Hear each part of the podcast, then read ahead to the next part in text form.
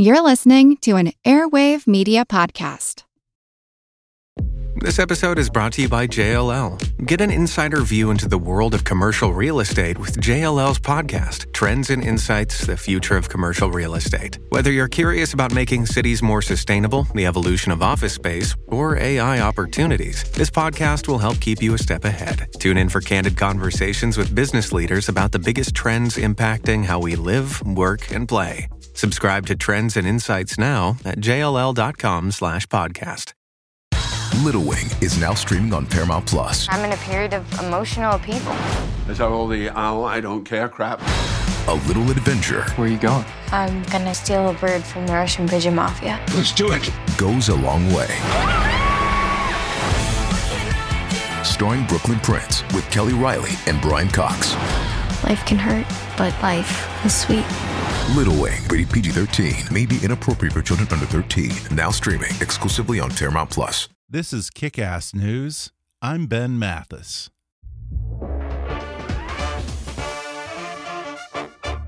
Folks, you know, everyone's different. We have different fashion styles. We like different types of food. We have different dreams in life. And that applies to investing as well, because we all have different financial goals and different tolerances for risk. So, what if you could choose your maximum risk and reward up front? That way, you could try day trading the markets without worrying about the risk. Well, luckily, you can with binary options on Nadex. Trade global stock indexes, commodities, forex, even economic numbers, all from one account and always with limited risk. See why over 100,000 members choose Nadex. Find out more at nadex.com. Trading on Nadex involves risk and may not be appropriate for all investors. And now, enjoy the podcast. Hi. I'm Ben Mathis. Welcome to Kick Ass News. Folks, I want to throw a few statistics at you. Did you know that every year, one third of the food grown for human consumption on this planet is never eaten? For one reason or another, it ends up in the garbage. To put it in perspective, that's 1.3 billion tons of food at an annual cost of $218 billion. Right here in America, families chuck about 25% of the food and beverages they buy at an annual cost of $1,300 to $2,200 per household, all while at the same time, 800 million people around the globe are starving. Now ask yourself how much did you throw in the garbage or in the disposal after breakfast this morning or after dinner last night? Food waste is a problem, but more than that, it's a stupid problem. There's literally no good reason why Americans should be squandering our money on food we don't eat and pouring our abundance into landfills while others go hungry.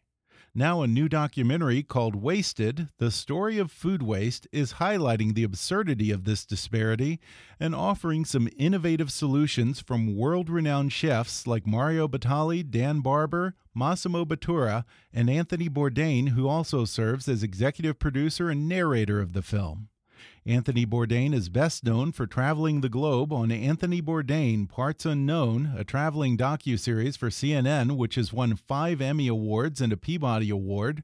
Bourdain is also a best-selling author beginning with his first book, Kitchen Confidential: Adventures in the Culinary Underbelly, a candid, hysterical, and sometimes shocking portrait of life in restaurant kitchens. Right up to his latest book, published in 2016, titled Appetites: A Cookbook.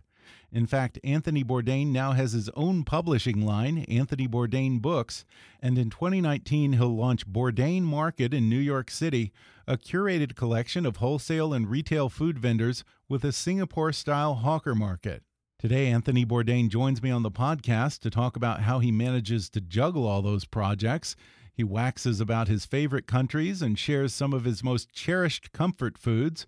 He speaks candidly about the problem of food waste, who's to blame, who's working on solutions, and how he and his fellow chefs have been fighting this battle for years in their own kitchens, embracing the snout to tail movement, rebranding fish like the Patagonian toothfish as the Chilean sea bass, and even turning table scraps into delicious pork. Plus, Tony and I gripe about foodies and foie gras bands, coming up with Anthony Bourdain in just a moment.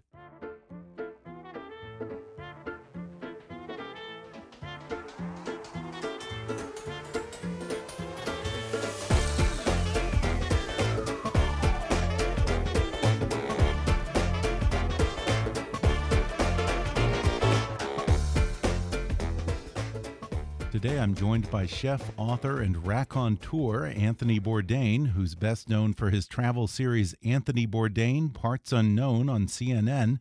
Now he's executive producer and narrator of an eye opening new documentary film called Wasted The Story of Food Waste. Anthony Bourdain, thanks for coming on the podcast. Good to be with you.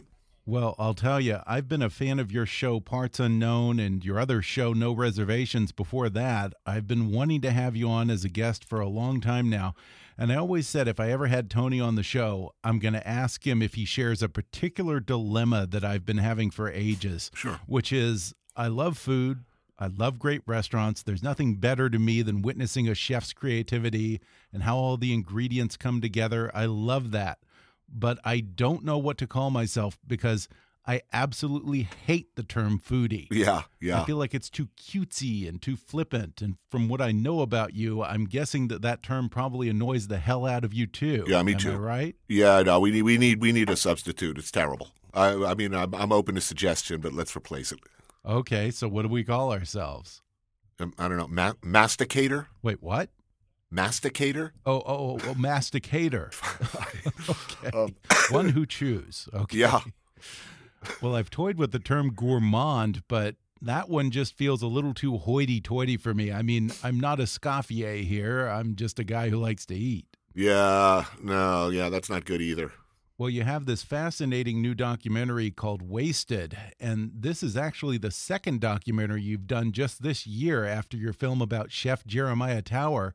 That's on top of your television show and the travel schedule that comes along with that. Plus, you've got your own publishing imprint, you put out a new cookbook, and now you're working on an Epicurean market as well. How the hell do you juggle all that, Anthony? Aren't you in a constant state Well, of exhaustion? I'm a guy who uh, needs a project always. I need a to-do list. Uh, maybe I'm over uh, maybe I'm I'm overcompensating for the lazy hippie I know lives inside me. uh, but I, I guess generally speaking, I like to make things. I'm just you know I'm making you know I used to make uh, food. Now I make TV and other stuff that interests me. But you know I'm I'm I'm doing things that I like and that I'm passionate about, and it's very satisfying putting all the little pieces together, and you know that makes me happy. and you freely admit to having indulged in myriad vices throughout your early years.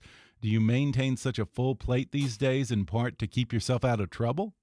Yeah, definitely. Uh, you know, idle hands are devil's hands. You know, the devil's hands. I, I you know, I agree with that. I, I uh, definitely. I shouldn't be. You know, I shouldn't be laying in bed uh, watching The Simpsons, uh, gazing occasionally at the ceiling and contemplating the mysteries of the universe. That leads to, to bad behavior.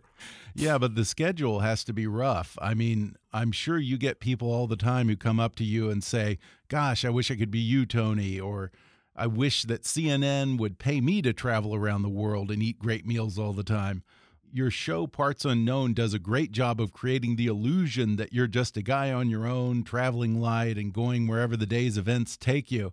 But I know what it takes to pull off a show like that. I'm sure you probably have a very tight production schedule. You're in one day and out the next, and on to a next location. Got to get this or that shot before sundown. You've got a crew following you around.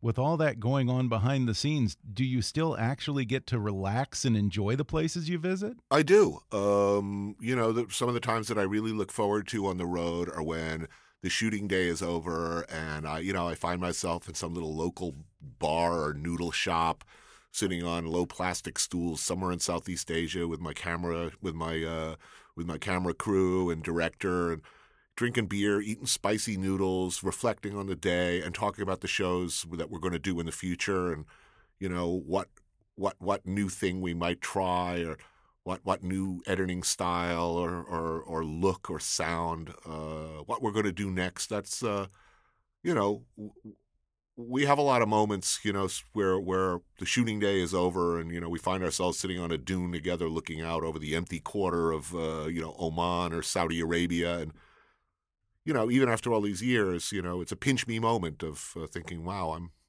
you know we're really lucky So, did it feel like a little bit of a break to work on this documentary where you can sleep in your own bed and just go to the recording studio and do some voiceovers? Uh, I don't know. I call it a break. I mean, Yeah. it's just another thing that I that I do that makes me happy. Yeah. You know, always in motion. Well, this film Wasted opens with you talking to the camera and admitting that you're a very reluctant activist. Yeah. You don't advocate for causes very often. And you say, I think half jokingly, that you really didn't even want to do this film. It's true. What were your initial reservations? Uh, I am by nature a skeptic. You know, I travel around the world a lot and I'm constantly entering, uh, spending time with cultures with very different belief systems than my own, very different situations. Uh, uh, you know, I go in thinking it's going to be one way, uh, or that I'm going to be unsympathetic to to to the place that I am, and I I'm so often surprised, and what I thought going in ends up being turned on its head. So by nature, I like to go in thinking I know nothing. I I, I don't I like being wrong about things. So to believe in anything absolutely, to announce uh, without regret or ambivalence that that that you know this is absolutely true, and you should believe it as well. Uh, that's not something that comes naturally to me. But I guess maybe because I've come up in the old school French cooking system, maybe because I've traveled and spent so much time in the world where people are, are hungry and, and doing the best they can, often with very little. Uh, this is an issue that, that really, uh, you know, strikes close to the bone. Well, four years ago, you left the Travel Channel and debuted your show Parts Unknown on CNN. I'd imagine that being on an actual news network, you probably feel less pressure to keep it light and have more freedom to delve into deeper issues and maybe mix in some geopolitics along with the fun segments. Do you think that's at least part of the reason why you're more comfortable with your role as an activist now? Well, no, not really. I'm certainly under no pressure to do that. I've never received a phone call from the network ever, in fact, suggesting anything or even starting with the words how about? or wouldn't it be a great idea? Uh, they've just given me a lot more freedom to do whatever i want. And you know if i choose to do an entire hour of just straight up food porn or whether i choose to do a show with very little food at all uh, that is my privilege and my pleasure. Let me ask you this. If we were to delve into the dark recesses of the Anthony Bourdain subconscious, Oh. is there maybe an element of this newfound activism that might be considered penance Yeah, for your yeah. libertine youth and all the drugs and debauchery? Uh, maybe I think that's true of all of the chefs involved in the in you Yeah. know so many chefs are involved in hunger issues and in uh, food waste issues, and I, I think maybe that does have uh, uh, something to do with with how much waste we see. You came up as a chef in the business during the so called me decade of the 1980s, and nowhere was that more the case than in New York City at a time when excess and conspicuous consumption were at their zenith. In the heady 80s, in the kitchens where you worked, was food waste a concern that chefs talked about back then? No, uh, well, you were you were not to be caught wasting food that could be turned into money. Mm-hmm. Uh, that's for sure. But it was certainly not a. a it wasn't a national issue. Uh, the it, it, was it was it was the ethic of the old school chef who used to come over and look in the garbage and see if you know you were peeling too much off the potato or if you were saving the celery tops that could be used for stock, that sort of thing. But certainly among consumers, food waste wasn't much of a consideration. I mean, I can certainly remember the days, and you probably can too, when the very idea of asking for a doggy bag in a restaurant, much less a good restaurant, was considered rude or cheap, bad Yeah. manners, even an insult to the chef. But restaurant goers seem to have gradually come around to that idea so that now taking home leftovers isn't the red letter of shame that it used to be. Yeah. Was that change in thinking perhaps the first victory in this battle against food waste? Maybe so. Yeah, I hope so. I hope so. People are hungry out there, you know, Mhm. don't waste. How about you? When you're eating out, are you a guy who isn't embarrassed to ask for a doggy bag or a to go box? Uh, you know, I'm really, I'm, you know, when I eat food, I have, I, I'm, I can imagine what the portion's going to be like, and I order what I need. I, I pretty much clean. I mean, Yeah. I'm a member of the Clean Plate Club most times. When I think about restaurants today, especially chain restaurants, so often the portions are just huge. They're like something out of the Flintstones. It's Yeah, almost yeah. inviting waste. I wonder, do you think that there's more food waste involved with a meal consumed in a restaurant versus a home cooked meal? No, Really? uh, probably at home, uh, the average household uh, wastes thousands, and uh, the average supermarket deliberately wastes uh, probably the greatest share, and then industrial farming Yeah. probably the most of all. when you were a chef at restaurants like Supper Club and Brasserie Les Halles, on an average night, how much food do you suppose ended up in the dumpster? Gee, I don't know. I mean, the stuff coming back from the dining room a lot. Uh, Yeah. You know, people's eyes bigger than their stomachs, or they get too drunk, or whatever. Uh, no, we, we you know we were old school French restaurant. We were very careful to use every little bit. I mean, you know, if there's some way, you know, if there were meat scraps, we figured out to way to how to you know make soup, make stew, make a salad, uh, or serve it to the staff. There's a lot of food waste with fish in particular because most Americans only eat the fillet and don't even want to look at the rest of the fish. You know, in Asia, serving a whole fish on the bone is common, heads, tail, and all. And that's slowly starting to become more common in restaurants here in the U.S. But I think you say in the film that when you were a young chef, if you dared to serve a customer a whole fish, they'd throw a fit and send it back, right? Yeah, back in the old day, if you yeah, if you serve fish on the bone, which any chef understands is the most delicious way to Right. serve it, uh, customers would send it back horrified. That that's changed too. Yeah, I love going to a Chinese or a Thai restaurant where they cook the whole fish with all kinds of spices and vegetables. I mean, that's the best way to eat a fish. Yeah, and it's definitely. crazy because we're always hearing about how the ocean's being overfished and whole species are in danger of extinction, while at the same time there's so much fish waste, partly because commercial fishermen catch literally tons of so-called trash fish in their nets while they're fishing for more quote unquote desirable fish like tuna, salmon, or mahi mahi. And as a result of all that, Yeah. perfectly good edible fish gets thrown away. We have very arbitrary and ever changing tastes in fish. What's hot one year is uh, not wanted the next, and uh, we are coming around. I mean, um, there are so many delicious uh, varieties of seafood out there that are, are, or that people don't want or would be difficult to sell, or maybe aren't pretty, or you know have bones and stuff like that. But these are, you know, these are often the most flavorful and delicious of uh, sea creatures, and uh, you know, uh, I hope we learn to appreciate them. Yeah, and in Wasted, your pal Mario Batali talks with his head chef at Esca, David Pasternack, who that guy I think might be the P.T. Barnum of fish marketing. Maybe It- so. It, seems that David and other chefs are getting pretty clever about rebranding the types of fish that customers think they don't want. Sometimes is that all it takes? Just a new name? Well, we long ago we long ago learned that if you want to sell a fish with a unattractive name, you just call it like golden snapper or mangrove snapper or just any kind of you know mystery snapper, and people would you know pretty much buy anything. okay, so chefs aren't beyond getting a little sneaky when it comes to combating food waste. Yeah, but better yet, in these times, to just say you know I have an exciting dish for you. It's called bouillabaisse, and Yeah. you know that is exactly uh, you know it's a bunch of trash fish in a delicious sauce. We're going to take a quick break, and then I'll be back with more with Anthony Bourdain when we come back in just a minute.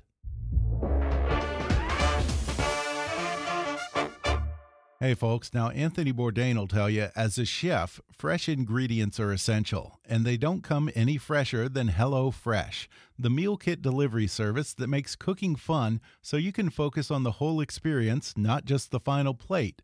Each week, HelloFresh creates new delicious recipes with step by step instructions designed to take around 30 minutes for everyone from novices like myself to seasoned cooks like Anthony Bourdain who might be short on time. They source the freshest ingredients delivered right to your doorstep in a recyclable, insulated box for free, and they measure everything to the exact quantities needed so there's no food waste. Now, what were we just talking about? HelloFresh is now offering light fall meals, and they've just introduced breakfast options, all for less than $10 a meal. And you can even get $30 off your first week of deliveries by visiting HelloFresh.com and entering Kick30 when you subscribe. That's HelloFresh.com and promo code KICK30. HelloFresh. Get cooking. And now, back to the podcast. And the thing is, American chefs have a long history of taking food that no one wants and turning them into high priced delicacies. We're really good at that. I'm thinking a hundred years ago when lobster was something rich people fed to their servants. Yeah. Or how caviar and oysters used to be cheap bar snacks at around the turn of the century. Now they're considered luxuries. And I know, Tony, that you're a big proponent of snout to tail gastronomy, but tell me this how the hell do you sell Americans on eating a pig rectum? Look, I don't think we're going to be eating pig rectum anytime soon, Okay. but certainly pigtails are incredibly delicious, and I assure you, uh, uh, prepared and marketed right, uh, all America would be uh, screaming for them, and I anticipate they will. This kind of snout to tail cooking, where you try to use as many parts of the animal as possible, seems to have made some strides here in the U.S. when it comes to meat products and butchers promoting organ meats and delicious parts of the animal that maybe don't happen to be the filet or the tenderloin.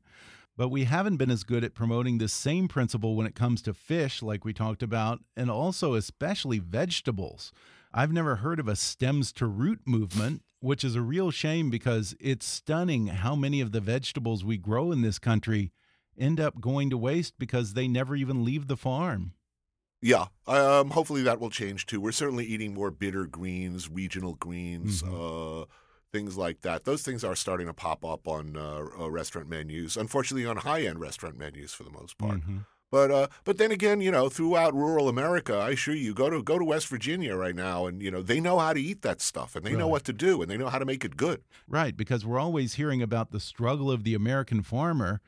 So I would think that they would be heavily motivated to make the most of those crops and maximize profits, wouldn't you? Well, they, they don't have a market for it. The, the market demands supermarkets demand pretty vegetables, Right. uniform vegetables, uh, and you know, so that you know it's unfair to you know uh, blame them entirely, uh, if at all. I mean, they're they, you know they they produce what sells. They have to, and and the pressure on them to do that is is pretty Yeah. overwhelming. So a blotchy potato or a misshapen tomato just gets tossed out, huh? Yeah, often are left in the fields. Yes. Yeah, and the funny thing is, I don't think the average consumer would even recognize a cauliflower if they Yeah. saw it in the field because we strip away apparently 60% of it before it even gets on the truck. Yeah, I know. It's shameful. You know, one would think in this day and age that we could genetically modify these crops so that there's fewer of the leaves or the stuff that people don't want and more of the meat of the vegetable that they do want. Do you know if anyone's working on that? Uh, you know, I think people are so wary of it's such a hot button issue. People are so hostile to the i- uh, Mhm. the idea of genetic modification and so distrustful of the people who are doing it and who control that technology that I don't think we're going to be seeing. You know. Uh, uh, and I don't want to see those things. You know, I don't want to see a, you know every tomato Totally. perfect. You know, it's the imperfection in life that makes it Yeah. interesting. I don't want to get on too much of a tangent, but what are your feelings about GMO crops? Look, I'm not opposed in principle to the technology. I mean, we've been genetically modifying animals and uh, and uh, agricultural products since the beginning of time. Uh, and if you can create a super tomato that will feed 20 people rather than one, yeah, particularly in this world, that would be great. Uh, but like a lot of people, I'm very distrustful of the way in which it is marketed, distributed, controlled. Uh, uh, you know, for what purposes? You know, it's like. Uh, you know, it's there. Um, I would just like to be sure that it is being used responsibly, and I, I don't feel that way right now. I, I'm not instinctively against it. I like to think that I'm open-minded against uh, about it, just like I am about technology in general. Uh, I just I wish I had more faith in the corporations that control it, uh, and and the way it is uh, administered or sold. And whether it's GMOs or food waste, it does seem that people's position on these issues is heavily influenced by socioeconomics. I mean, a family in sub Saharan Africa probably could not care less whether they eat genetically modified rice. That's completely a first world luxury.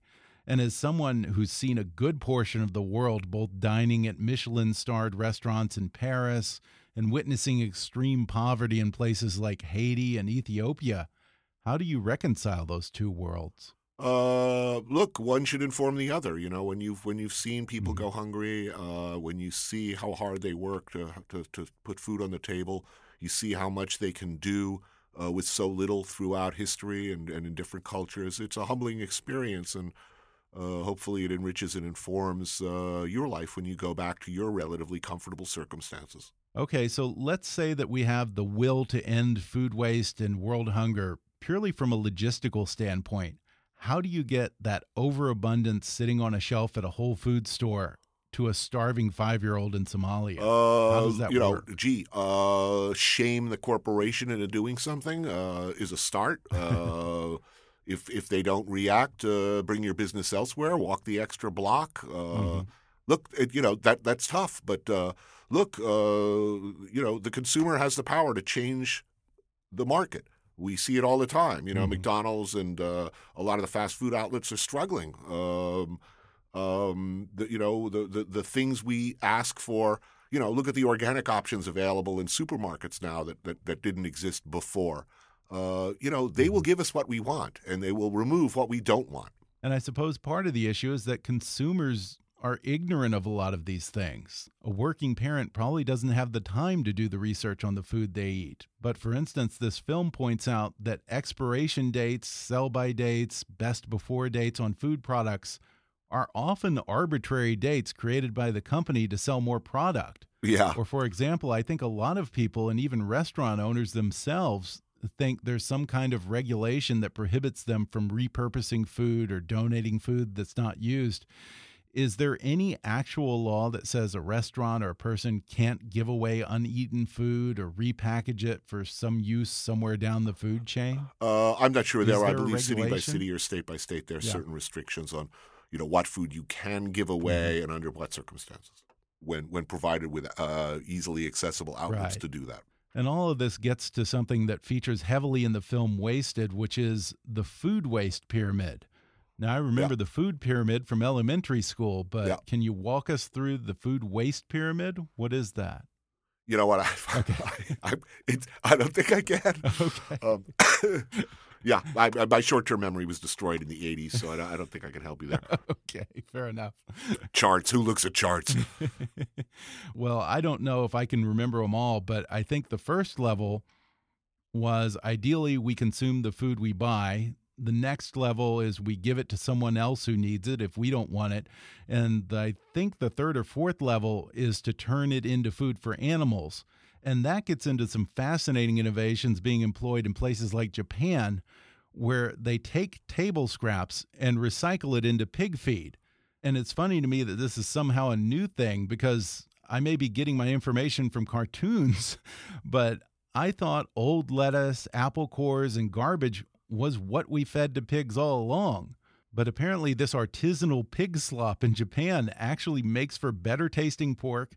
And at the same time, it saves the farmers something like, I think, a third or half of their feed costs.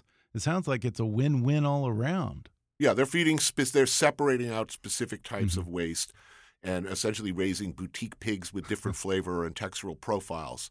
So, you know, uh, some pigs get seafood scraps, others get uh, different types of scraps that that uh, you know make them taste different for unique markets and uh, and and appetites, and it's been very very successful. As well, composting. Uh, uh, has uh, you know is useful uh, when when when provided with uh, easily accessible outlets to do that. What are the biggest motivators for people who are adjusting to cut out more food waste? Is it altruism, profit, environmentalism, regulation, maybe even in some cases deregulation? Oh, look, all of the above. Mhm. Uh, you know, before before it becomes a necessity, uh, you know, let's get ahead of the problem. Also, you know, it it can be satisfying and fun. The smug satisfaction of doing the right thing, learning to kick, le- learning to cook a little better, uh, learning how to cook. Uh, you know, uh, introducing people you care about to good food. Um, you know, look, whatever reason you do it, let's do it. When it comes to food waste, what stage in the food supply chain is the worst offender? Is it the farms, the grocers, the restaurants, the consumer, or is there equal blame to the, go around? the farms fa- farms and supermarkets I think are are are are bad you know are bad but I mean the average household wastes thousands of dollars of food a year as well On the other hand, who are some of the good guys who are at the forefront of this battle to end waste? Well look I think maybe because chefs have been so close to this issue for so long and see it up close uh, a lot of chefs like Eric Ripert uh, Mario Batali Jose Andres have for a very long time been very deeply involved in hunger issues, uh, uh, doing what they can to minimize waste or repurpose food or or uh, get it directly to people in need.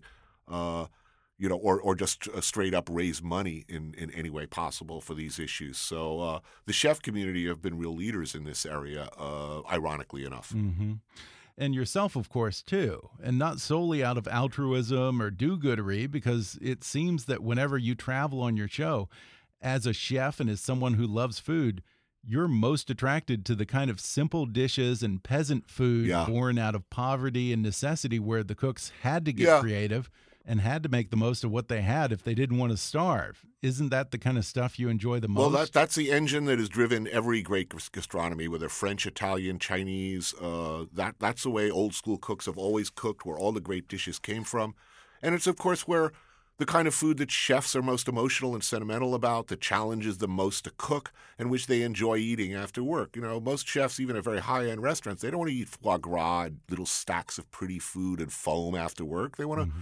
They want a bowl of decent pasta that tastes like somebody's grandmother made it. And in fact, what we're asking in this film is essentially to look at the world of food or to look at your ingredients in the same way that any Italian grandmother would, as as as a problem to be solved. How will I make something tough and not particularly expensive into the maximum amount of something delicious? You know, the classic Italian Sunday gravy or ragu would be, mm-hmm. you know, maybe the best, most classic example of that. What are some of your other personal go tos? Look, I mean, one of the hottest items in restaurants right now, the pork belly and, you know, uh, pig's head. Mm-hmm. Uh, you know, these are hotshot hipster items, but uh, you know, classic uh, peasant dishes would be a beef bourguignon, pot au feu, coq au vin. I can assure you the first person to eat a snail, an escargot, was not a gourmet. that was one hungry SOB. Yeah. Uh, you know, who figured maybe if I put enough garlic butter on that thing, maybe I can eat it. um, you know, this is the story of food through history. You just named a few of my favorite dishes right there. Yeah.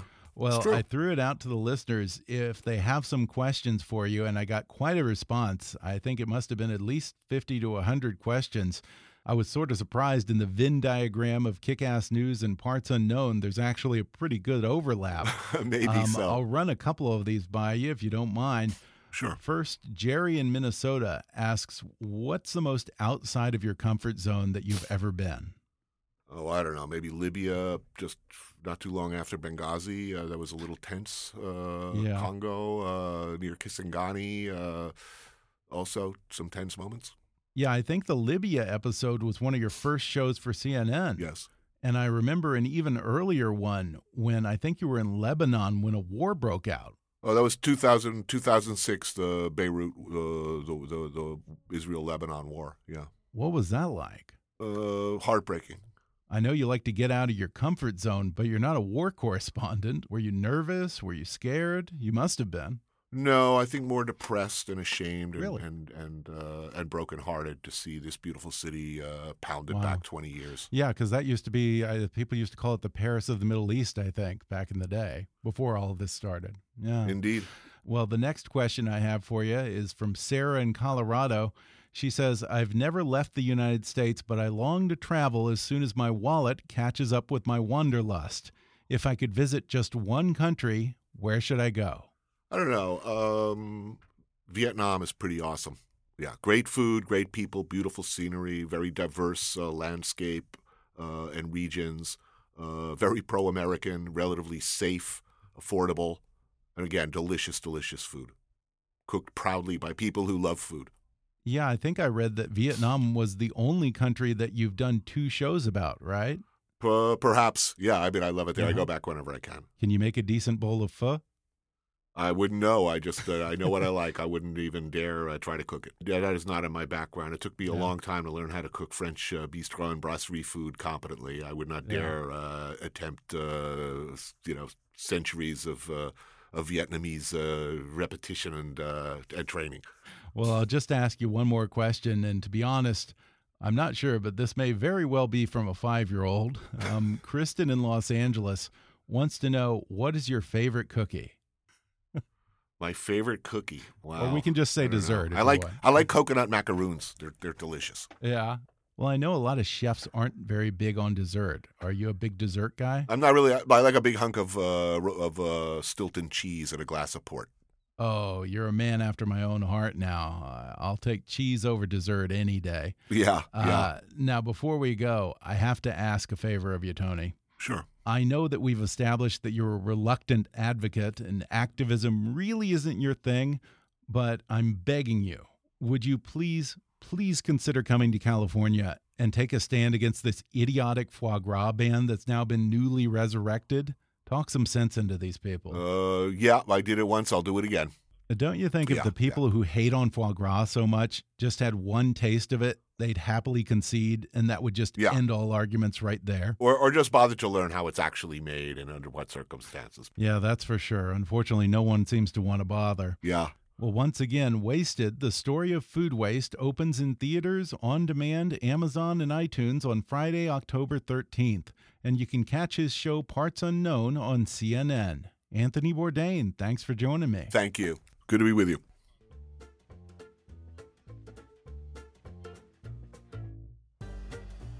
Thanks again to Anthony Bourdain for joining me on the podcast. Once more, Wasted, the story of food waste, opens in theaters and on demand, Amazon and iTunes, beginning Friday, October 13th. For more information, visit wastedfilm.com.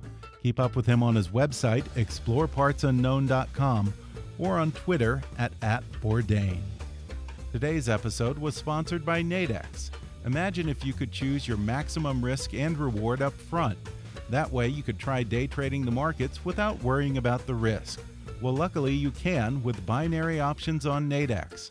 Trade global stock indexes, commodities, forex, even economic numbers, all from one account and always with limited risk. See why over 100,000 members choose Nadex. Find out more at nadex.com. Trading on Nadex involves risk and may not be appropriate for all investors. Also, if you haven't already, be sure to subscribe to Kickass News on Apple Podcasts and rate and review us while you're there. And please take a moment to take our listener survey at podsurvey.com/kick so we can get to know who's listening and it's also helpful with our advertisers.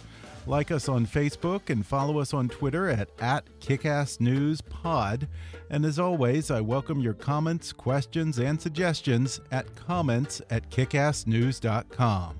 For now, though, I'm Ben Mathis, and thanks for listening to Kick Ass News.